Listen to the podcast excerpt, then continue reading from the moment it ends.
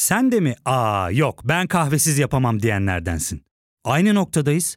İlk ve tek kahve üyelik uygulaması Frink'le tanış. Hem bütçeni koru hem de hiç bitmeyen kahvenin tadını çıkar. Uyarı.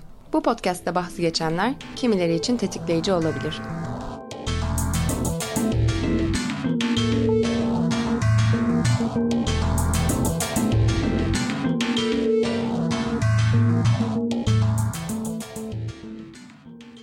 Çıplaklık bir insanın kıyafet giymediği veya özellikle cinsel organlarını örtmediği bir haldir. Ve çıplaklığa dair tutumlar kültürden kültüre, coğrafyadan coğrafyaya, topluluktan topluluğa, bir zaman diliminden başka bir zaman dilimine farklılık göstermektedir. Çıplaklıkla ilgili kişisel ve toplumsal tavrımız hala gelişiyor ve değişiyor. Çıplaklık konuşacağımız bu bölümde ise konuklarım Pelin ve Zeynep. Hoş geldiniz Zeynep ve Pelin. Nasılsınız? İyiyiz. Teşekkür ederiz efendim. Hoş bulduk. Sen nasılsın? Ben de iyiyim. Çok teşekkürler. Konuşan Pelin'di. Şimdi Zeynep'in de sesini duyalım. Hoş bulduk. Nasılsın? İyiyim. Çok sağ olun. O zaman öncelikle bu bölümü yapmaya nasıl karar verdik? Neden bu bölümün konukları sizlersiniz'i konuşarak bir giriş yapalım? Bu girişte de sizleri de tanıyalım istiyorum. Pelin ve Zeynep kimler? Çıplaklık meselesi neden gündemlerinde?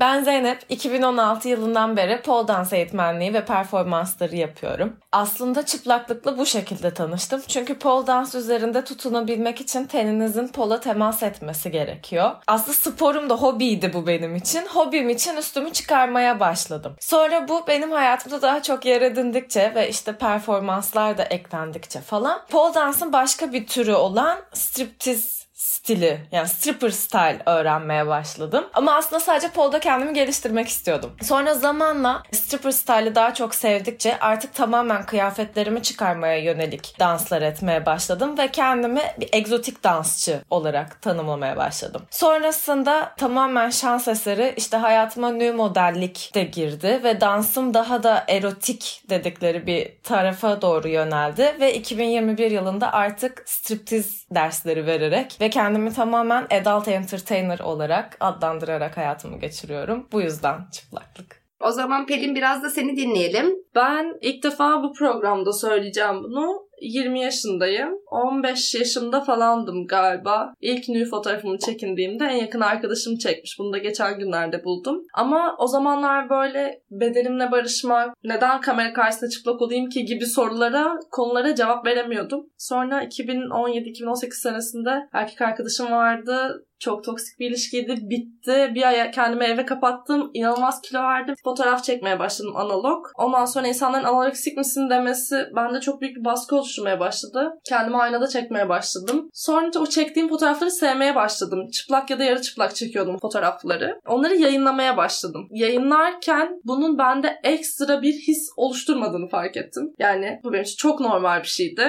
Ama insanların tepkileri hiç öyle değildi. Sonra ben de her tepkiye sen karşılık veriyormuş gibi daha fazla yapmaya başladım bunu. Ama bir yandan fotoğraf çekmeye devam ediyordum. Sonra 2020'nin son aylarında dedim ki ben artık biraz fotoğraf çekmekten galiba sıkıldım. Biraz daha kamera önünde olmak istiyorum. Yapmak istediğim şeyi fotoğrafçıyla ortak bir üretim haline girerek yapmak istiyorum. Kasım ayından beri de galiba new modellik yapıyorum. Çıplaklık meselesi de aslında benim için bedenimle barışmak ve kabul etmek gibi bir yerden gündemde. Peki bu bölümün adı çıplaklık ama biz çıplaklık, çıplaklık derken neden bahsediyor olacağız? Nü ne, yarı çıplak derken neden bahsediyorsunuz? Bunları birazcık açar mısınız? Biz Zeynep de ben de kamera karşısında duran insanlarız aslında. O yüzden bunun daha performatif bir tarafını muhtemelen bu programda değiniyor olacağız diye düşünüyorum ben. Çünkü sonuçta günlük hayatlarımızda kendimizi nudist olarak tanımlayan insanlar değiliz. Yani Zeynep adına konuşmayayım ama en azından öyle olduğunu biliyorum. O yüzden böyle tutup da nudizmi anlatmayacağız burada ama bunun günlük hayata yedirilmiş sosyal medyada gösterilen halini biraz daha konuşuyor olacağız. O zaman sorunun kalanına ben cevap vereyim. Yarı çıplak derken basitçe aslında üstümüzde bir ya da herhangi küçük kıyafetler olan ama tenimizin de göründüğü e, nü çıplak derken tamamen vücudumuzda hiçbir kıyafet olmadan olduğumuz hal. Birazcık aslında bahsettiğiniz çıplaklığın neden gündeminizde olduğundan konuşurken ama yine biraz daha açalım istiyorum bu kısmı. Sizin öznel hikayelerinizden, deneyimlerinizden gidelim istiyorum. Çıplak olma hali sizler için ne ifade ediyor? Çıplak olma hali sizlere ne hissettiriyor? Çıplak olma hali bize ne hissettiriyor? Ya açıkçası Pelin'in de biraz önce dediği gibi çıplak olma hali bize ekstradan bir şey hissettirmiyor. Ben çıplaklığın çıplaklık olduğunu algıladığımda herhalde 27 yaşında falandım öyle söyleyeyim. Çünkü o kadar toplumun baktığı gözden bakmıyordum ki bu olaya. Yani bir fotoğraf koyuyorum. E diye bakıyordum sürekli. Çok uzun bir süre boyunca neye bu kadar tepki verildiğini anlayamadım bile. Çünkü gerçekten full çıplak olduğum fotoğraflar değildi hiçbiri ve erotik bile değillerdi. O yüzden çıplak olmak bana ekstra bir şey hissettirmiyor ama çıplak olmama bu tepkiyi veren insanların ne hissettiğini merak ettiriyor daha çok diyeyim. Benim için de şöyle yani evet ekstra bir şey hissettirmiyor ama bir yandan da kendimi bu şekilde tamamlıyor gibi hissediyorum. Yani daha doğrusu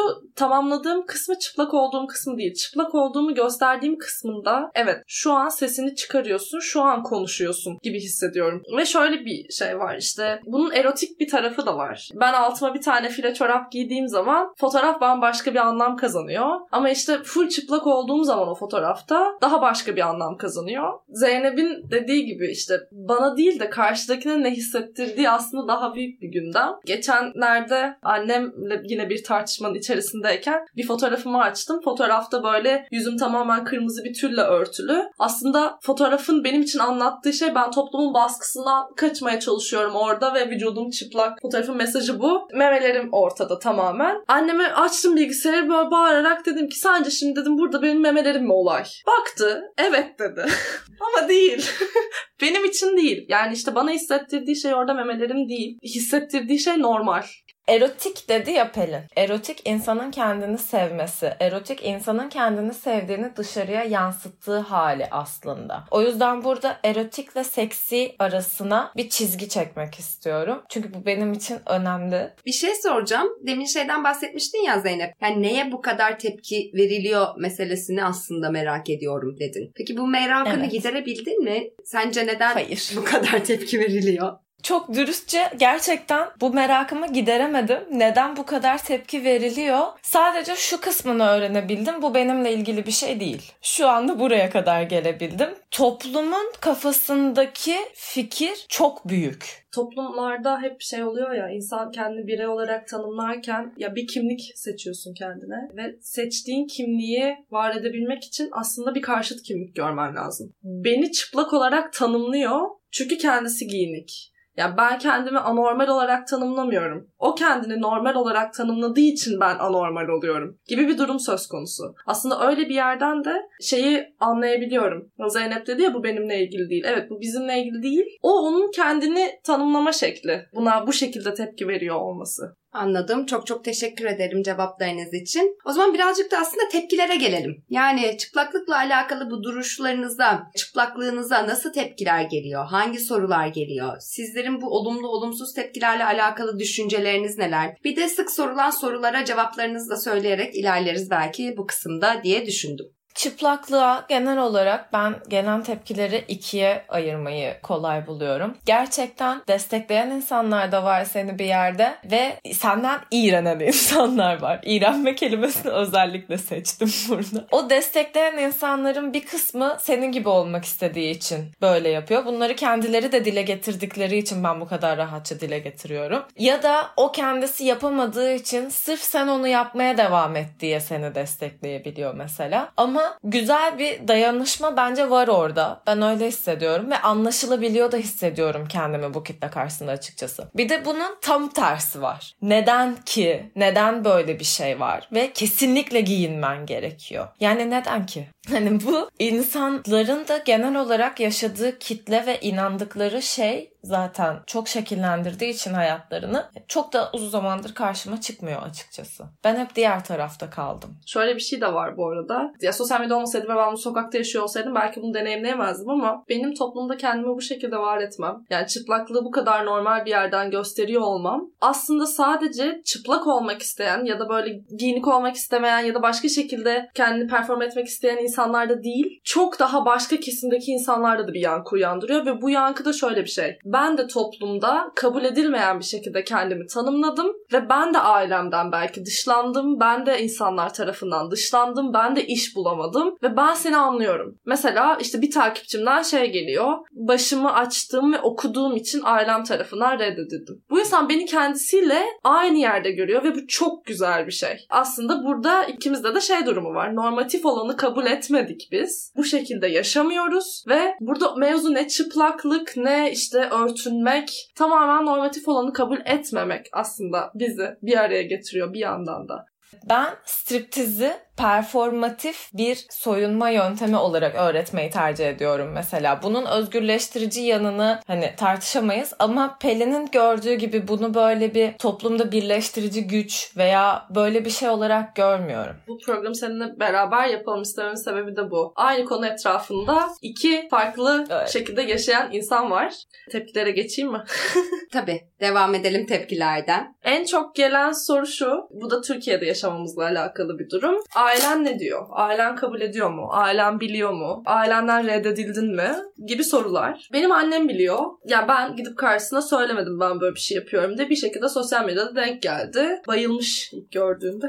Sonra beni aradı. Bunlar ne? Biz bunu kabul edemeyiz diye. Ben de dedim ki bu benim var olma şeklim. Bu benim kendi hayatım için kabul edilebilir bir şey. Bu noktada bir onay beklemiyorum. Ben bu şekilde yaşıyorum gibi bir konuşma geçti aramızda. Babam bilmiyor. Ee, annem babam bilse kalp krizi geçirecek edeceğini düşünüyor. Ama aileden bir reddedilme söz konusu değil. Ben hala ailemle görüşüyorum. Ve annemin de anlamak ve kabul etmek için çaba sarf ettiğini görebiliyorum. Belki bu noktada birazcık şanslı olabilirim. Onun dışında en çok gelen sorulardan biri fotoğraf çekimi yaptığında çeken fotoğrafçılar genelde erkek. Fotoğrafçılar sana karşı bir şey hissetmiyor mu? Ya da sen bir şey hissetmiyor musun? Ya da aranızda bir şey yaşanıyor mu? Gibi bir soru var. Buna sonra geleceğim. Onun dışında başka bir işten para kazanıyor musun? Sorusu çok var. E, ya da bu iş sana gelir sağlıyor mu gibi bir soru da var. Ya genel olarak aslında böyle. Yani şey fark edilen bir şey. İnsanların kendi günlük hayat pratiklerinde yaşadığı şey işte aile, iş, cinsel hayat, sağlık hani böyle şeyler üzerinden senin hayatını anlamaya çalışıyorlar.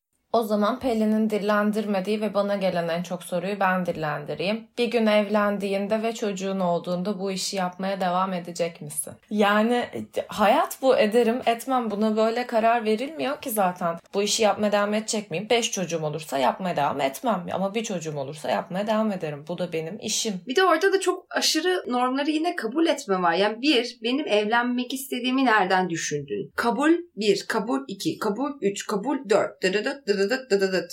Hemen en çok gelen sorular 5 numara. Porno sektöründe yer almayı düşünüyor musun? Çünkü çıplaksın ya sen. Porno sektöründe de yer alabilirsin gibi. Yani futbol oynayan biri basketbolda oynayabilir gibi bir mantık bu. Ne alakası var ki çıplak poz verip bir yerde durmakla bir seks eylemi gerçekleştirip onun videoya çekilmesi ve onun sonunda senin para alman aynı şey bile değil ki.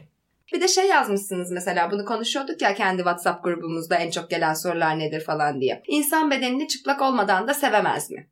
Ben tam onu diyecektim. İnsan bedenini çıplak olmadan sevemez mi? Çıplaklığın özgürlükle ne alakası var? Şimdi şöyle zaten bunu her zaman söylüyorum bu soru geldiğinde ve gerçekten çok geliyor bu soru. İnsan bedenini çıplak olmadan tabii ki sevebilir. Ama benim bunu deneyimleme şeklim, kendi bedenimi sevme, kendi bedenimi kabul etme şeklim aynada kendimi çıplak izleyerek başladı zaten. Dolayısıyla ben o ilişkiyi çıplaklık üzerinden kurdum. Çok bol kıyafetlerin içinde aslında günlük hayatımda var olmayı seven biriyim. Ama o bol kıyafetlerin içinde o kıyafetlerin arkasında kalan kişiyi görmüyordum açıkçası. O yüzden böyle bunu arkadaşlarıma da çok söylerim. Kendim de çok yaparım. Aynada kendimi çıplak izlemek. Bunu yaptığım zaman bedenimi fark ettim. İşte bedenimin hiç fark etmediğim bir yerinde bir ben varmış mesela. Ya da göğsümün ortasında bir çukur varmış ve bu bana özel bir şeymiş. Bunu inceledikten sonra fark ettim. Bedenimi sevmek için önce bedenimi kabul ettim ve bunu görmek için de çıplak olmam gerekiyordu. Ama bu benim için olan bir şeydi. Tabii ki farklı bir şekilde olabilir. Diğer soruya geliyorum. Çıplaklığın özgürlükle ne alakası var? Bu da aslında birinci soruya verdiğim cevapla çok bağlı bağdaşıyor. Benim için kendi bedenini kabul etmek, dışarıdan gelen baskıyı, yargıyı kabul etmemek demek. Ve zaten aslında bir toplum içerisinde yaşarken özgür olmanın önündeki en büyük engellerden biri bir kendinsin, iki de diğerleri. Ve sen bunları susturabildiğin zaman, bunları durdurabildiğin zaman, kendinden emin olduğun zaman özgürleşme yolunda çok büyük adımlar atmış oluyorsun. Benim için çıplaklık öyle bir şekilde bağdaşıyor. Ben bedenimden, kendimden, kendimi bu şekilde göstermekten çok eminim. Dolayısıyla sizin söylediğiniz hiçbir şey, beni yargıladığınız, koyduğunuz yerler benim umurumda değil ve ben kendimi bu şekilde özgür kılabiliyorum. Bu soruya bir de ben cevap vermek istiyorum. Striptiz öğretmeni nasıl oldum? Tam olarak böyle oldum. İnsan bedenini çıplak olmadan da sevemez mi? Tabii ki sevemez. Yani nasıl sevecekti ki? Bütün hayatını birlikte geçirdiğin tek bir şey var o da bedenin. Ve sen bütün hayatın boyunca bedenini bir kere ayna karşısında çıplak bakmaya tenezzül bile etmemiş bir insansan tabii ki de bedenini sevemezsin. Ama bu şu demek değil. Çıplak olan herkes bunu göstermek zorunda değil. Çıplak olan herkes fotoğraf fotoğraf çektirip Instagram'a koymak zorunda değil. Ya da ne bileyim striptiz yapmak zorunda değil ya da bunu biriyle paylaşmak zorunda değil. İnsan sadece kendi bedenini sevmek için soyunabilir. Bu bir insanın en doğal hakkı. Çünkü bu benim bedenim diyebilmesi gerekiyor bence insanın. İşte bu yüzden çıplaklık özgürlük müdür? Evet tabii ki çıplaklık özgürlüktür. Peki birazcık orada görme bakma meselesine gelelim. Diyelim ki görme engelli biriyiz. O zaman bedenimizi sevemez miyiz? Bedenimizi görmeyeceğiz sonuçta çıplak olarak. Şimdi insanın beş duyu organı var ya görme engelli biri koku alarak, dokunarak ya da işte başka şekillerle bedeniyle iletişime geçerek bedenini sevebilir. İşte soyunmak da sadece görsel olarak soyunulan bir şey de değil ya aslında orada kendine temas da ediyorsun, kendine sarılıyorsun. Mesela kendini öpen biri onun hissini bilir, elini kolunu öpen biri. Ben geçen gün düştüğümde dizimi öptüm ve bu benim için çok duygulandırıcı bir şeydi. Ama hayatı boyunca deneyimlememiş birine ben bu hissi anlatamam. Bunun için tabii ki bütün duyu organlarını kendi bedenin üzerinde deneyimlemen gerekiyor. Kendini görmen, koklaman, öpmen vesaire vesaire. Yani aslında bedenini çıplak olarak görmek değil de aslında bedenini hissetmek ve keşfetmek gerekiyor evet. diyebiliriz diye düşündüm. O zaman yine size gelen sorulardan devam edeceğim. Pelin yazmıştı onun yaptığı soru cevaplardan gelen sorulardan. Kadın olarak zorluk yaşıyor musun? Neyde yaşamıyorsun ki kadın olarak zorluk? Ama bunun dışında da yani ben fotoğraf çekimleri dışında da kadın olarak zorluk yaşayabilirim. Mesela en basitinden yine aslında bir fotoğraf çektim koydum Instagram'a. Bana dediler ki bunun sansürsüz hali nerede? Benim meme ucumu görmek istiyor. Ama aslında ben orada ortaya sanatsal bir ürün koyuyorum ve benim meme ucumu görmen gerçekten fotoğrafla hiçbir alakası olmayan bir durum. Sonra şey geliyor. OnlyFans hesabın var mı? Makani hesabın var mı? Varsa takip edelim. Bu kadar mı fotoğraf yükleyeceksin? Video var mı? Falan falan. Belki memen olması, belki vajinan olması olmasıyla alakalı şeyler.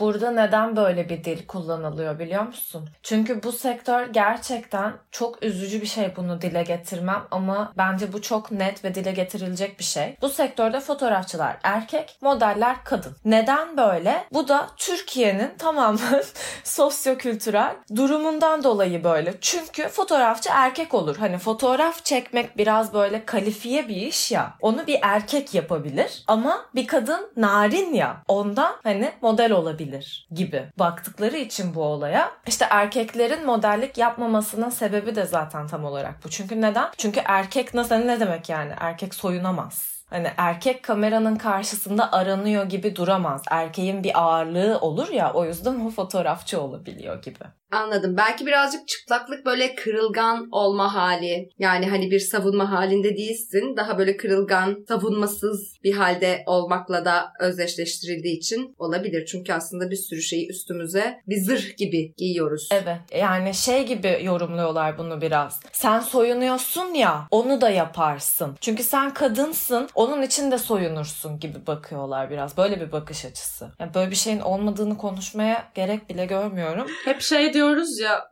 çıplaklık onay değildir. Bu rıza demek değildir. Bunu tekrar tekrar söylemek istiyoruz. Ben kamera karşısında soyunuyorum diye beni çeken fotoğrafçıyla bir şey, cinsel bir şey yaşayabilirim. Hayır yaşamıyorum. Yaşayabilirim bu arada. Bu çok normal bir şey. Yaptığımız işin dışında benim o insanla olan tanışıklığım bizi bu noktaya getirebilir. Ama tekrar tekrar bunu söylemekte fayda var. Çıplaklık hiçbir zaman onay ya da rıza demek değil. Çıplaklığı normalleştirmekle alakalı neden bu kadar zorlanıyoruz? Çıplaklık neden çok kısıtlı alanlar dışında tabu yani kabul görmeyen bir hal?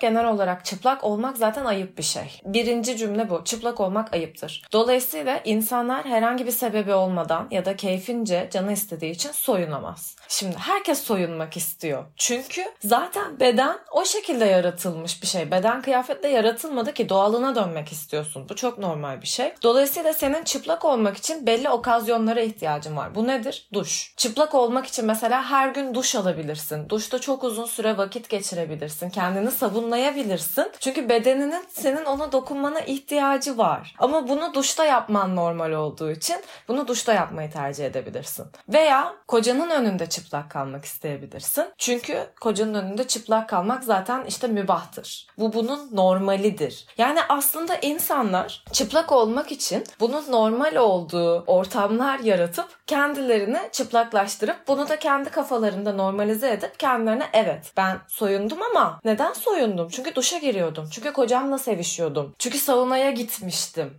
En çok başıma gelen şey şu. Benim çok fazla evli ve çocuklu öğrencim oldu. Hepsi bana şu şekilde geldi. Ben asla birinin yanında hiçbir şekilde üstümü çıkaramam. Okey benim kimseye sen çıkar üstünü falan öyle bir şey asla demem. Çünkü bu herkesin kendi yolculuğu, herkesin kendi zamanı ve size garantisini veriyorum. Bu insanların hepsi benim yanımdan ben senin yanında çıplakken çok rahat hissediyorum diyerek çıktı. Çünkü onların çıplak olması benim yanımda bana normaldi. Ben onlara dönüp hiçbir şey demedim. Ne bileyim rahatsız edici bir bakış atmadım. Bedeniyle ilgili onu üzecek, yaralayacak bir şey söylemedim. Çünkü bir de bunların hepsinin dışında insanların bedenleriyle kurduğu ilişki zaten yanlış. İnsanların bedenleriyle kurduğu ilişki estetik üzerine, estetik yargılar üzerine, toplum onayı üzerine. Hayır, beden böyle bir şey değil. Bedeninle kurduğun yanlış ilişki süreçte seni bedeninden, çıplaklıktan ve kendinden uzaklaştırıyor. Ben bunu şöyle bir yerde anlatmayı çok seviyorum. Bu yani giyinik olma hali bu dediğim o. Bazı insanların para kazanması için, bazı sektörlerin doğması için gereken bir şeydi. Yani toplumların buna ihtiyacı vardı. Çünkü en basitinden kıyafet giymek sosyoekonomik statünü ortaya koyan bir hal. Ama sen çıplak olduğun zaman ve nudizmin temelinde de bu var. Sanayi devriminden sonra ortaya çıkan ve insanların tamamen oradaki sınıfsal ayrıma karşı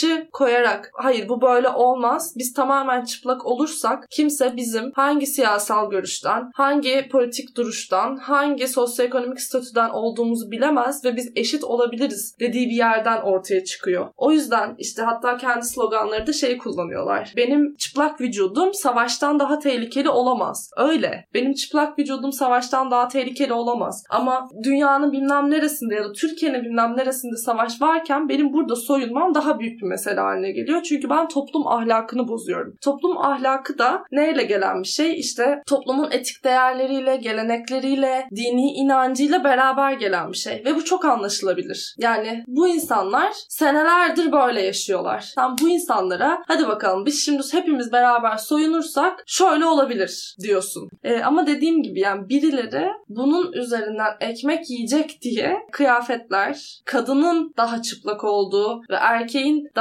egemen bir halde durduğu gösterimler karşımıza çıkıyor.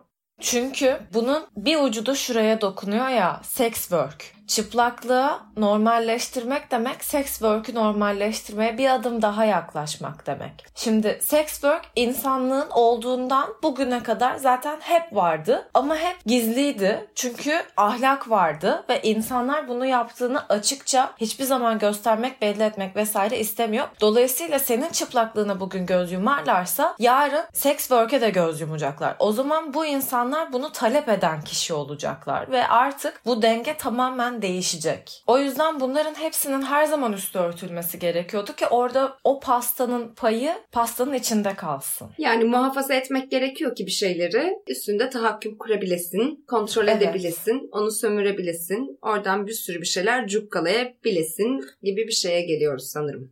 E, neden bunu yıkmak bu kadar zor diye konuşuyoruz ya. Aslında bir yandan da kimse bunun yıkılması için yardımcı olmaya çalışmıyor. Hala her ne kadar işte moda sektöründe ya da moda sektörüne geçiyorum. Jennifer Lopez Mert Alas'a bir, Alaş'a bir fotoğraf çektiriyor ve işte albüm kapağını çırılçıplak bir halini koyuyor. Ve o Jennifer Lopez olduğu için dünyada bir güç figürü olduğu için kimse ona çıkıp da vay efendim sen niye buraya işte çıplak fotoğrafını koydun hadi kaldır bunu diyemiyor. Demiyor. Ama Evet. Türkiye'de herhangi bir sanatçı bunu yapsaydı ya da sadece Türkiye'de değil Avrupa'da, Amerika'da X bir sanatçı bunu yapsaydı Jennifer Lopez kadar güçlü olmayan olay olacaktı. Bir kadın e, çıplak bir halde Vogue kapağına çıktığı zaman vay efendim Vogue nasıl bunu kapağına koyar gibi bir gündem var hala dünyada moda sektöründe. Ve biz insanların her gün üzerine giydiği şu kıyafetlerin hakim olduğu sektörde hala bunu aşamamışken insanların çıplaklığı aşabilmesini bekleyemeyiz gibi geliyor şu an. Çok isterim ama bir yandan da beklemek çok ütopik. Asla bekleyemeyiz bence. Çünkü bu artık yıllar yıllar yıllardır süren dogmatik bir şey ve perçinlene perçinlene gerçekten toplumların kalbine yerleşmiş. Bu sadece Türkiye'de olan bir şey de değil. Bu Amerika'da da çıplaklık yadırganan bir şey. Avrupa'da da çıplaklık yadırganan bir şey. Yani bu her zaman üstü kapatılıp her zaman saklanmak istenen bir şey. Çünkü bununla yüz yüze gelindiği zaman insanların o noktada dürüst olması ve herkesin kendisiyle yüz yüze gelmesi gerekiyor. Aslında burada birazcık daha böyle güçlenme meselesi üzerinden soracağım. Kadın çıplaklığının hep eril bakışa hizmet ediyormuş gibi anlaşılması hali. Siz bu konuda ne düşünüyorsunuz? Çıplak olma hali ne kadar güçlendirici, nerelerde güçlendirici ya da işte onur kırıcı, ayıp ve aslında nesneleştirici bir şey mi diye hep konuşuluyor ya böyle ikili bir yere konuluyor. Güçlendirici mi, nesneleştirici mi diye. Bu konuda ne düşünüyorsunuz diye sormak istedim size. Neden çıplaklık özgürleştirici ve neden eril bakışa hizmet etmiyor? Şu sebeple. Çünkü ben o fotoğrafı çektirirken o fotoğrafı biri görsün ya da bu soru özelinde bir erkek görsün, beni beğensin. Bu, bunun için çektirmiyorum. Bence başta erkeklerin sonra da toplumun şunu anlaması gerekiyor. Kadınlar sadece keyfi için, sadece kendini o şekilde kendisi görmek istediği için de soyunabilir. Sadece kendisini izlemek istediği için striptiz yapabilir, videoya çekebilir, Instagram'a koyabilir ve bunu yaparken bu süreç boyunca hiçbir erkeğin bunu izleyeceğini aklına bile getirmemiş bile olabilir. Bunu anlamaları gerekiyor ama gel gelelim ki işte patriarka vesaire zaten her şeyi eril bakışa erkeklere, erkekler için, evlilik için, anne olmak için vesaire buna götürmeye o kadar yatkınız ki bunu da ona götürmemiz zaten bence aşırı normal. Ama bir kadın elbise de giydiğinde zaten eril için giymiş oluyor. Bir erkek onu beğensin diye sen elbise giymiş oluyorsun. Topuklu ayakkabı giyiyorsun. Erkek seni beğensin. Popon kalkık dursun erkek beğensin diyorlar. Yani neden ki ben sadece canım kendimi öyle görmek istediği için soyunurum, fotoğraf çektiririm. ister kadına çektiririm, ister erkeğe çektiririm. Sonra da asarım duvarıma bakarım mesela. Bu da benim bakışıma hizmet eder. Ya fark ettin mi? Biz en çok kahveye para harcıyoruz. Yok abi, bundan sonra günde bir. Aa, sen Frink kullanmıyor musun? Nasıl yani? Yani kahvenden kısmına gerek yok. Frink'e üye olursan aylık sadece 1200 TL'ye istediğin çeşit kahveyi istediğin kadar içebilirsin. Günlük 40 TL'ye sınırsız kahve mi yani? Çok iyiymiş. Aynen. Hatta şu anda 200 TL'lik bir indirim kodu da var. E hadi hemen indirip üye ol da bu fırsatı kaçırma. Yani atıyorum işte yetişkin erkek hedef kitlesi olan ve en çok onların satın aldığı bir dergiye ben gayet fotoğrafçının beni böyle nesneleştirdiğini bile bile poz verip paramı alıp yine güçlendim diyebilirim. Paramı koyarım cebime, giderim, takılırım. Böyle bir şeyin içerisinde bile, denkleminde bile olsa hala güçlendirici olabilir aslında. Benim erkeklerle çok kötü bir ilişkim var ve bu herkes tarafından bilinen bir şey. OnlyFans açarken mesela bu benim içimdeki en büyük kırılma noktalarından biriydi. Ben erkeklere mi hizmet edeceğim? Yani bir kere bu bir hizmet sektörü değil. Hiçbir şey hiç kimseye hizmet falan etmiyor. Sen bir fotoğraf çektiriyorsun ve bunu yüklüyorsun. Bu bir hizmet değil. Bence önce bunu görmemiz gerekiyor. Ben böyle gördüm en azından. Ve gün sonunda ben orada para kazanıyorum ve kazandığım parayla ondan sonra istediğimi yaparım. Düşünüyorum. Buradaki güçlendirici şey tam olarak kişinin bilincinde nedir? Önce bunu sormak gerekiyor. Ben bir kadına da mesela striptiz yapıyorum. Bir erkeğe de striptiz yapıyorum. Bu benim için hiçbir şey değiştirmiyor. Gün sonunda paramı alıyorum. Oradan çıkıyorum. Ne bileyim kızlarla gidiyorum. Şarap içiyorum. Çok iyi oluyor yani aslında sosyal medyanın ve özellikle de Instagram'ın hayatımıza girmesiyle beraber çok kontrovers, iki taraflı bir durum ortaya çıktı. Kadınlar hem kendilerini sosyal medya üzerinde güçlendirebiliyor. Çünkü orada belki de kendi günlük hayatında olamadığı kişiyi yansıtabiliyor. Yani çünkü işte kurumsal bir firmada çalışıyor, beyaz yakalı belki o şekilde gösteremiyor kendini ama sosyal medyada gösterebilir ve kimse o günlük hayatındaki insanlar bundan haberdar olmayabilir ve orada çok güçlü bir profil çizebilir. Bir yandan da şöyle bir durum var. Pınar Gültekin öldürüldüğünde Women Supporting Women hashtag ile fotoğraf paylaştı kadınlar. Bunun bir hafta sonrasında Duygu Özaslan'ın selülitli fotoğrafları ortaya çıktı ve aynı kadınlar yani tabii ki hepsi değildir. Duygu Özaslan'ın selülitli fotoğraflarıyla dalga geçti. Neden? Çünkü Duygu Özaslan orada Society's Unrealistic Beauty Standards'a hitap eden bir profil çiziyor ve işte selülitli fotoğrafları ortaya çıkıyor ve ondan sonra sen bize bunu yapmaya çalışıyorsun nasıl selülitli fotoğrafların ortaya çıkar. Al sana diyorlar. Şimdi burada çok büyük bir tezatlık var. Kadın aslında o eril bakışa gelene kadar önce kendi içindeki o bedeniyle olan savaşını çözemiyor. Benim zaten mesela e, az önce hani çıplaklığın bu kadar tabu olmaktan çıkması durumuna karşı umutsuzluğumun karşısında şunu tutuyorum. Bir bedenimizi kabul edelim. Hani mesela selülitleri kabul edelim. İşte bir çatlakları kabul edelim. Memenin sarkıklığını kabul edelim. Küçüklüğünü kabul edelim. Büyüklüğünü kabul edelim. Vesaire. Yani penis penisin küçüklüğünü kabul edelim bir şeyler. Bunları kabul edelim bakalım sonra ne oluyor? Ayna karşısında durmak da bu yüzden. Ve işte sosyal medyanın kadın üzerindeki güçlendirici etkisi yatsınamaz. Ama bir yandan da hala kendi aramızda bile bir shaming yapacak noktadayız. Orada da birazcık içselleştirdiğimiz eril bakışa geliyor olabiliriz. Yani evet. illa erkekte olması gerekmiyor eril bakış açısının. Yani o yüzden eril diyoruz, erkek bakışı demiyoruz diye düşünüyorum ben. En, en azından soruyu oradan öyle kurguladım. Yani bunu hepimiz içselleştirdiğimiz bir yerdeyiz de kendimize de bakarken, başkasına da bakarken. Bir de gelelim aslında mesela kimi çıplaklıklar daha okeyken kimi çıplaklıkların o kadar da okey olmaması durumuna. O dar güzellik standartları dahilinde olan çıplaklık hoşa giderken, arzulanırken, istenirken bir kesim tarafından kimileri orada da yargıyı dağıtmaya devam ediyor tabii ki. Ama daracık standartın dışındaki bir beden çıplak gözüktüğünde ona da bu alan tanınmıyor mesela. Çıplaklıkla alakalı farklı özgürlük alanları tanıyoruz. Farklı çıplaklıklara da farklı cinsiyet kimliklerine de farklı bedenlere de. Bu konuda neler düşünüyorsunuz? Hala belli bir kiloda, belli bir görünümde olan insanlara bu alan daha çok tanınıyor. %100 de tanınmıyor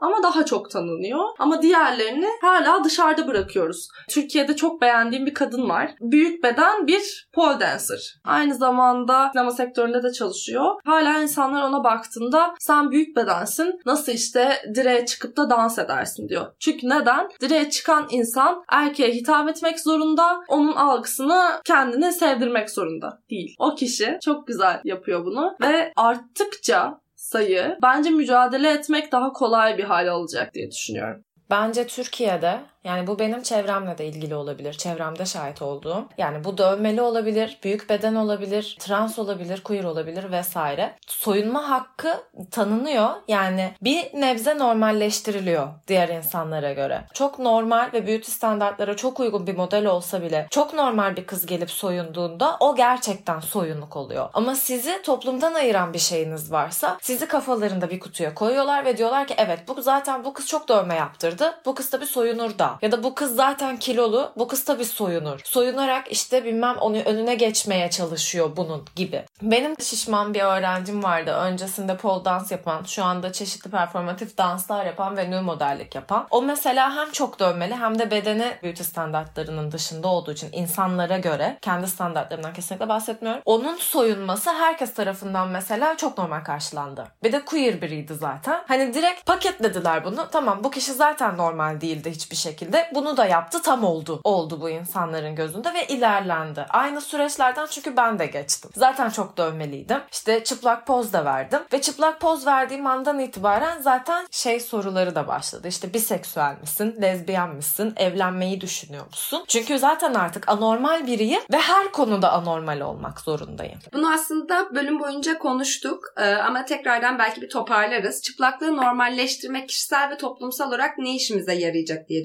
düşünüyorsunuz? Tabii bir de çıplaklığı normalleştirmenin kimlerin işine gelmeyeceğini de toparlayabiliriz aslında.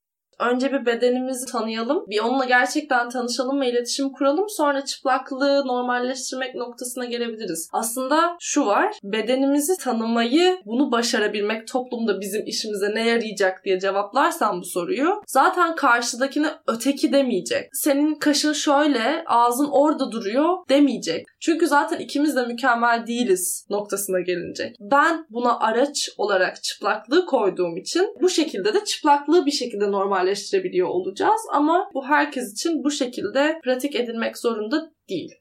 Çıplaklığı normalleştirmek çok basit bir mantıkla aslında şu işimize yarayacak. Tecavüzleri bir kere azaltacak. Çünkü bu, bu kadar büyük bir tabunun hayatınızda olmadığını bir saniye için hayal etsenize. Hiç kimse etek giydiği için öldürülmediğini ya da herhangi birinin giydiği bir şey yüzünden tecavüze uğramadığını, sonrasında gelen işte o davası, insanların ayaklanması, bütün bunları bu en basiti. Bu sadece birinci basamak ya. Bu basamak kalkacak mesela mesela hayatından. Yani bu arada şundan da bahsetmek istiyorum. Bir nebze sadece normalleşebilirse yani normalleştiğinde insanlar için aslında kendi kafalarında bile o kadar çok şey değişecek ki bütün o kafalarındaki baskı, ben ne yapacağım, ait olmama hissi, bundan işte gelen sinir olabilir, psikolojik hastalıklar ya bütün bunların hepsi aslında zaten bedenini sevmediğin için geliyor. Çünkü bedenine açıp bakamıyorsun. Çünkü bu yasak bir şey. Bu ailenin içinde yasak, arkadaşların içinde yasak. Bunu yapsan bile dillendiremezsin. Bir kere bedenini açıp baksan ve bir kere kendini olduğun şekliyle kabullensen zaten gerisi geliyor. Çünkü her şeyi kabullenmeye başlıyorsun. Şöyle de bir açıdan bakabiliriz buna. Giyinik olma hali kadın ve erkek arasındaki ayrımı da çok net belli eden bir şey olduğundan dolayı bu gibi ayrımların da ortadan kalkması işte aslında çıplaklık da bu noktada tartışılan konulardan bir tanesi. Beden olumlama hareketi çok yaygın bir şekilde dünyada var olmaya başladı ve bu beden olumlama hareketinin bir parçası olarak da çıplaklığı görebiliyoruz biz aslında. O yüzden çıplaklık normalleşmeye başladıkça aslında toplumsal cinsiyet eşitliği konusunda çok daha büyük bir adım kaydedebiliyor olacağız diye de düşünüyorum. Ama bu kimlerin işine gelmeyecek? Bu çıplaklığı gitgide daha büyük bir tabu yaparak insanları bu şekilde yönlendirebilenlerin işine gelmeyecek işte.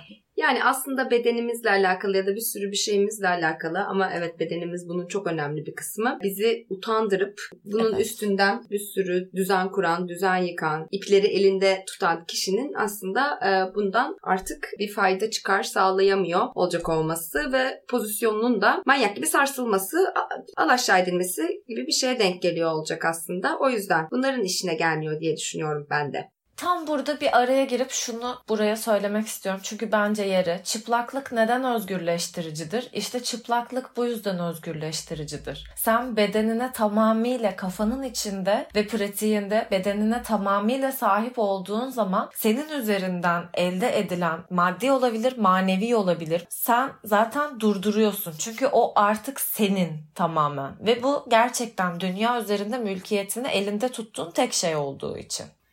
O zaman gelelim Instagram topluluk kuralları meselesine. Çünkü çıplaklık bölümü yapıp Instagram'ın çıplaklık sansüründen konuşmadan olmaz diye düşündüm. Instagram'ın 20 Aralık 2020'de güncellenen topluluk kuralları ve çıplaklığa dair sansürle alakalı düşünceleriniz neler? Ya ben açıkçası bu konuda yine şanslı bir kesimde yer alıyorum. Şu açıdan şanslı bir kesimde yer alıyorum. O hesap 3 senedir var. Sadece bir kere Instagram fotoğrafımı kaldırdı. Henüz bir shadow ban de yemedim. Yani hala aramaya yazınca benim adımı bulabiliyorsunuz. Ama muhtemelen Hazal sen de, Zeynep sen de shadow ban yediniz. Yedim ben. Ben kendi hesabımdan, öbür hesabımdan kendi hesabımı arattığım zaman kendi hesabımı bulamıyorum. İkisi de aynı mailde, ikisi de aynı telefonda. Benim de Mental Clitoris'teki e, feminist yayıncılık bölümünün Nergis'in yaptığı görseli kimi hesaplardan gözükmüyor. Bir de bir gönderim kaldırıldı mastürbasyon bölümünün. O kadar çok gönderim kaldırıldı ki artık. Mesela çok gelen sorulardan bir tanesi. Bu fotoğrafların sansürsüzleri yok mu? Sansürsüz paylaşsan daha iyi olur. Bence de ama meme ucumu kapatmam gerekiyor. Seste Fosta ile beraber 20 Aralık 2020'de gelen e, Instagram'ı güncellenen topluluk kurallarıyla beraber aslında bu çok daha katı bir hal aldı. Artık seks diyemiyorsun ya da e, cinsellikle ilgili açıkça konuştuğun belli olursa Instagram bunu tespit ederse ya da işte takipçilerin bunu bir şekilde şikayet ederse hesabın direkt elinden alınabiliyor gibi bir tehdit söz konusu. Yani şeyin hiçbir açıklaması yok. Ben meme ucumu kapatmak zorundayken bir erkek neden meme ucunu kapatmak zorunda değil konusunun hiçbir açıklaması hala yok. Orada meme ucumun gözükmesinin aslında fotoğrafın ana hatlarına hiçbir katkısı ya da götürüsü yok. Evet ama ben fotoğrafta olan şey ben gözümü çarpılıyor muyum fotoğrafta? Çarpılamıyorum. Çünkü o fotoğrafta var. Biz onu çekmişiz o şekilde. Ben fotoğrafta olan bir şeyi neden sansürlemek zorundayım? Kendime otosansür uygulamıyorken, Türkiye gibi bir toplumda yaşarken, çıplak bir şekilde kendimi var ediyorken bir uygulama çıkıp bana diyor ki kardeş kapatacaksın o meme ucunu. Öyle olmaz. Çünkü neden? İşte toplumun ahlakı. Aslında profilimi artı 18 olarak işaretliyor olmama rağmen hala bunu yapmak zorundayım. Şöyle, şimdi size bir pole dancer'ın bakış açısından bu sansürün nasıl geliştiğini anlatacağım. Çünkü aslında Instagram sansürü şu anda insanların gördüğü şekliyle bir anda falan çıkmadı. Şu şekilde oldu. Amerika temelli bir şirket ya Instagram. Amerika'da sex work artık çok yaygınlaştı ve Instagram aslında iki sene önce pole dance hashtagini yasaklayarak başladı bu sansür uygulamaya. Bu olduğunda bütün pole dancer'lar ayağa kalktı ve tabii ki hiç kimse bir şey demedi bu süreçte. Önce pole dance hashtag'i yasaklandı. Amerika'da sex work'ün artık çok fazla ilerlemiş olması yani vergi aslında buradaki konu. Süreçte strip club fotoğrafları ve strip club videoları yasaklandı. Sonrasında da bu sektöre hizmet eden kelimeler yasaklandı. Aslında bu iki senelik bir süreçti ve bu süreç boyunca zaten pek çok striptizci aktivist ya da oradaki sex worker aktivistler bunların hepsini duyuruyordu. Bu diğer insanlara da yansıdığında Instagram çok kötü bir yer oldu artık. Ama bütün bu süreç gelişirken zaten Instagram kötü bir yerdi. Ve bunların sonucunda sex work'ün geliştiği başka platformlar doğdu ve o pasta çok büyüdü ve bu platformlardan Amerikan hükümeti vergi de alıyor. OnlyFans'tan Amerikan hükümeti vergi alıyor. Makani'den alıyor. Patreon'dan alıyor. Biz sadece o pastanın çok dışında olduğumuz için bunlar bize yansımıyor. Biz Türkiye'de yaşayanlar olarak işte Zeynep'in dediği gibi biz sadece Instagram kısmını biliyoruz. İşte Sesta Fosta'yı biliyoruz ama Sesta Fosta'nın çıktığı dönemde aynı anda yine aynı şekilde işte pornografik içerik üreten, herhangi bir şekilde çıplaklıkla içerik üreten çeşitli uygulamalarda gelen regülasyonlar da aynı oranda arttı. Yani aslında bu toplu bir savaş. E, sadece Instagram en çok kullanılan sosyal medya uygulaması olduğu için bu çok daha tepki çekiyor. Porno sektöründe çalışan insan da bir şekilde para kazanıyor. Seks işçiliği yapan insan da bir şekilde para kazanıyor ve amaç Zeynep'in de dediği gibi onların para kazanmasının önüne geçmek ya da onlardan daha çok vergi alabilmek. Evet çünkü sex work her zaman verginin dışarıda tutulduğu bir sektör olduğu için yani bunu zaten yasal yapmadıkları için sen istiyorsun ki sex work'ü yasal yapma. Sex work kapalı kapılar ardında yapılsın. Ondan sonra sex work pazarı o kadar büyüyor ki dünyanın dijitalleşmesiyle beraber artık burada dönen parayı da göremiyorsun. Neden? Çünkü kripto para çıktı. Yani aslında Instagram'ın bu sansürü onların dile getirdiği gibi sizin çocuklarınızı bizim meme uçlarımızdan korumak için değil, seks işçiliği yapan insanlardan vergi alabilmek için. Platformların zaten aslında tembelliği olduğunu düşünüyorum. Çünkü Sestafos'ta 2018'de ilk sunulduğunda, onaylandığında, gündeme geldiğinde de bunlar hani konuşulmaya başlanmıştı. Şu anda artık çok sıkı uygulanıyor. İnsan kaçakçılığı gibi bir şey söz konusu olduğunda artık platformlar bunlardan sorumlu tutulacağı için ortaya çıktı. Ama zamanında da insanlar hep böyle yani bu farklı uygulanacak, farklı bir yerlere gidecek diye e, söylüyordu. Mesela Pornhub'da bir sürü videonun kaldırılması bana mesela kötü gelmiyor.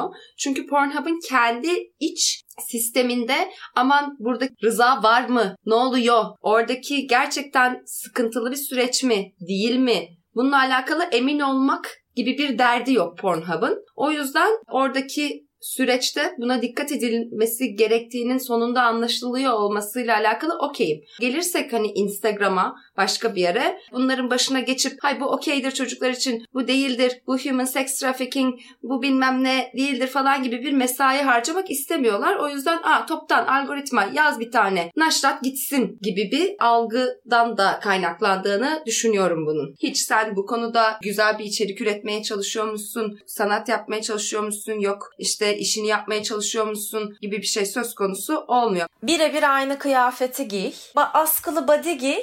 Bir tane de ince bir Brazilian kilot giy altına. Bir tane direğin beyaz bir fonun olduğu önünde bir yerde fotoğraf çektir. Onu Instagram'a yükle. Sonra git aynı fotoğrafı bir tane strip club'da çektir ve onu Instagram'a yükle ve o fotoğrafın 5 dakika içinde kaldırıldığını göreceksin. Club'daki Ben mi? bu sabah evet club'daki çünkü strip club'dan görsel paylaşamazsın. Bu sabah bir tane video yükledim. Daha bu sabah başıma geldi. Üstümde bir tane ten rengi body var. Altımda da bir tane eşofman var. Dün bu videoyu çekerken bunu düşünmüştüm. Bu videoyu Instagram kaldırırsa ben bunu bir de beyaz body ile çekeyim diye. Ve bunu yaparken çok güldüm kendime ama bir de beyaz body ile çektim. Neyse sonuç olarak ten rengi olanı beğendim. Instagram'a yükledim. Bir buçuk saat sonra Instagram'a baktığımda videom 100 kere görüntülenmişti ve 9 like vardı. Herhangi bir fake hesaba gittiğiniz zaman bile bunun olmayacağını çok net bir şekilde görebilirsiniz. Yani bu mümkün olan bir şey değil. Hemen o videoyu kaldırdım. Aynı video aynı yerde çekilmiş sadece üstünde beyaz body var. Aynı videoyu yükledim. Aynı video şu anda 2000 görüntülenme işte bilmem kaç like'da. Orada o ten rengi şeyin üstümde olması beni uygunsuz yaptı. Ama aynı şekilde ben ten rengi tight ve ten rengi body ile giyip bir fotoğraf yüklediğimde de Instagram bana zaten bildiri gönderiyor. Topluluk kurallarımızı ihlal ettin hesabını siliyoruz diye. Madem ki Instagram senin reşit olmayan bireylere karşı böyle savunmasız ve tehlikeli bir ortam doğuruyor. Bunu kontrol etmek zorundasın demek ki sen buna göre bir sistem geliştirmen gerekiyor. Mesela OnlyFans'te de böyle bir sorun var. Kimliğini çekiyorsun, işte yüklüyorsun vesaire ve kendi verify etmek zorundasın. 18 yaşından büyük olduğuna dair. O zaman madem ki senin böyle bir tehliken var ve sen artık bütün dünyada kullanılan en birinci sıradaki platformsun. O zaman bunu başka yollarla yapman gerekiyor. Çünkü sen burada sex worker'ların ekmeğini de kesiyorsun. Sen burada birilerinin parasını kurtarırken birilerini aç bırakıyorsun. Bu iyi bir şey değil. Bu sırada Instagram bunları yaparken ama seksel politikasını da bir yere bırakmıyor. Sen erotik bir içerik paylaşabiliyorsun. Seksi bir içerik paylaşabiliyorsun. Mesela poponu çok yakından çekebilirsin ve paylaşabilirsin ve o algoritma onu algılamazsa senin başına hiçbir şey gelmez. Böyle hesaplar da var. Böyle pornocular var. Böyle başka seksüel pratikler gerçekleştiren insanlar var. Ama bunu kılıfına uydurmadığın zaman ve Instagram senin çıplak olduğunu bir kere anladıysa ben artık Instagram'ın gözünde topluluk kurallarını ihlal eden bir bireyim ve benim hesabım bundan sonra görülmeye layık değil. Bir de şöyle bir şey var. Beyaz olmayan bir insansan, işte şişman bir insansan Evet. vesaire çok daha fazla sansürüyormuşsun. Çok daha fazla sansürleniyormuş bu kişilerin Evet görüntüleri. bir de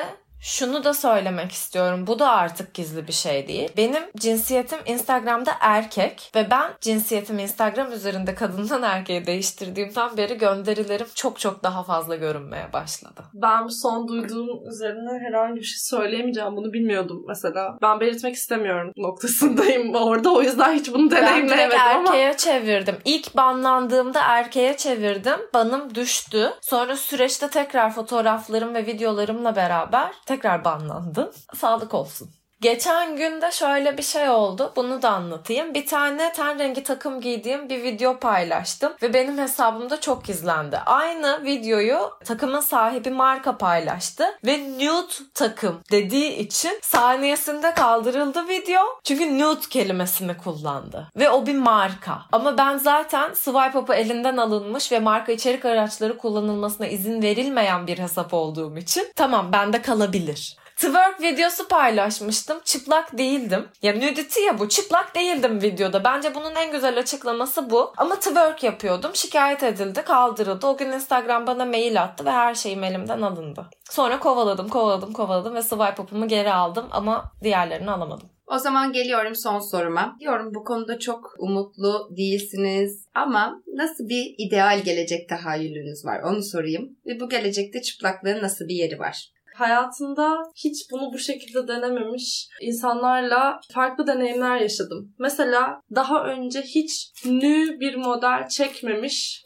çok iyi bir fotoğrafçıyla çalıştım ve çalışmanın bir noktasında ya sen niye giyiniksin noktasına geldi. Çünkü benim çıplaklığımı çok kıskandığını söyledi. Yani bununla bu kadar özgür olabilmem, bu kadar rahat olabilmemin çok hoşuna gittiğini söyledi. Ve şeyin çok farkındayım. Ortamı anlamaya çalışıyor, kendisinin vücudunun nasıl tepkiler verdiğini anlamaya çalışıyor ve bunu deneyimlemek istiyor. Ve deneyimledi. Şey diyor yani ben şu an hayatımda ilk defa çıplak bir insanla çıplak rahat bir şekilde oturup sigara içip, alkol içip sohbet ediyorum. Ve herhangi bir seksüel bir pratik yaşanmıyor, yaşanması istenmiyor, beklenmiyor. Sadece gündelik hayatıma bu şekilde devam ediyorum. Ve bu onun için mesela çok güzel bir kırılma noktasıydı. Bunu görmüş oldum. Biz vermek istediğimiz mesajı bu şekilde anlatmaya çalışıyoruz. Bunlar böyle anlattıkça, bakın böyle de oluyor dedikçe ve bunu çok normal, sakin, saldırgan olmayan bir yerden yaptıkça insanlar şeyi görüyorlar yapıyorlar. Gerçekten olabiliyor galiba. Bunun da bir ucundan ben tutayım diyor. Anlamaya çalışıyor. Seninle iletişime girmeye çalışıyor. Bu benim hayal ettiğim gelecek tasvirine giden en doğru yol gibi gözüküyor şu an. Ama tam olarak şunu istiyorum. Herkes sokakta çıplak gezsin değil en azından etek boyunu konuşmadığımız, en azından sütyen gibi mesela e, iç giyim ürününü giymemenin ne kadar normal bir şey olduğunu, meme ucumun gözükmesinin ne kadar normal bir şey olduğunu belki kabul edebilirsek bir şeyleri başarabiliriz diye düşünüyorum. Benim ideal gelecek tahayyülümde çok ütopik olarak şöyle bir e, fikir yatıyor aslında. İnsanların sadece birileri görsün diye değil ya da birinden beslenerek değil, sadece kendi keyfi için kendi ait olduğu ve kendi sahip olduğu şeyi gösterebileceğinin anlaşılması.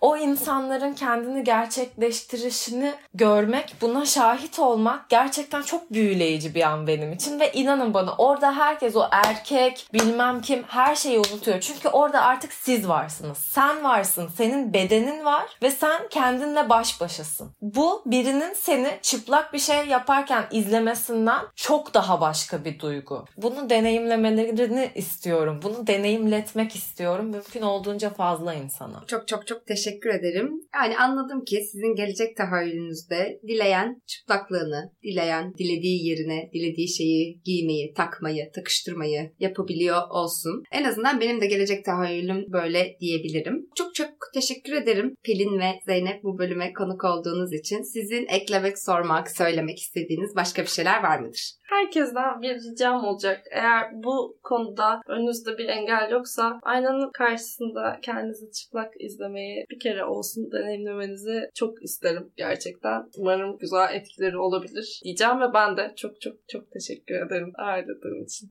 Ben de şunu söylemek istiyorum. Hayat sadece siyah ve beyaz olmadığı gibi çıplaklık da sadece çıplaklık ve giyiniklikle var olan bir şey değil. Mesela bir tek sütyen giyerek kendilerine bakabilirler. Ya da bir tek kilot giyerek kendilerine bakabilirler. Hiç kimse tamamen çıplak olmak zorunda değil. Hiç kimse çıplaklığını biriyle paylaşmak zorunda değil. Ya da çıplaklık bir gün normal olduğu takdirde herkes sokakta sürekli çıplak gezmeyecek. Kimsenin kafasında böyle bir ideal dünya yok. Çok çok güzel önerilerle geldiniz. Tekrardan çok teşekkür ediyorum. O zaman bir sonraki bölümde görüşmek üzere.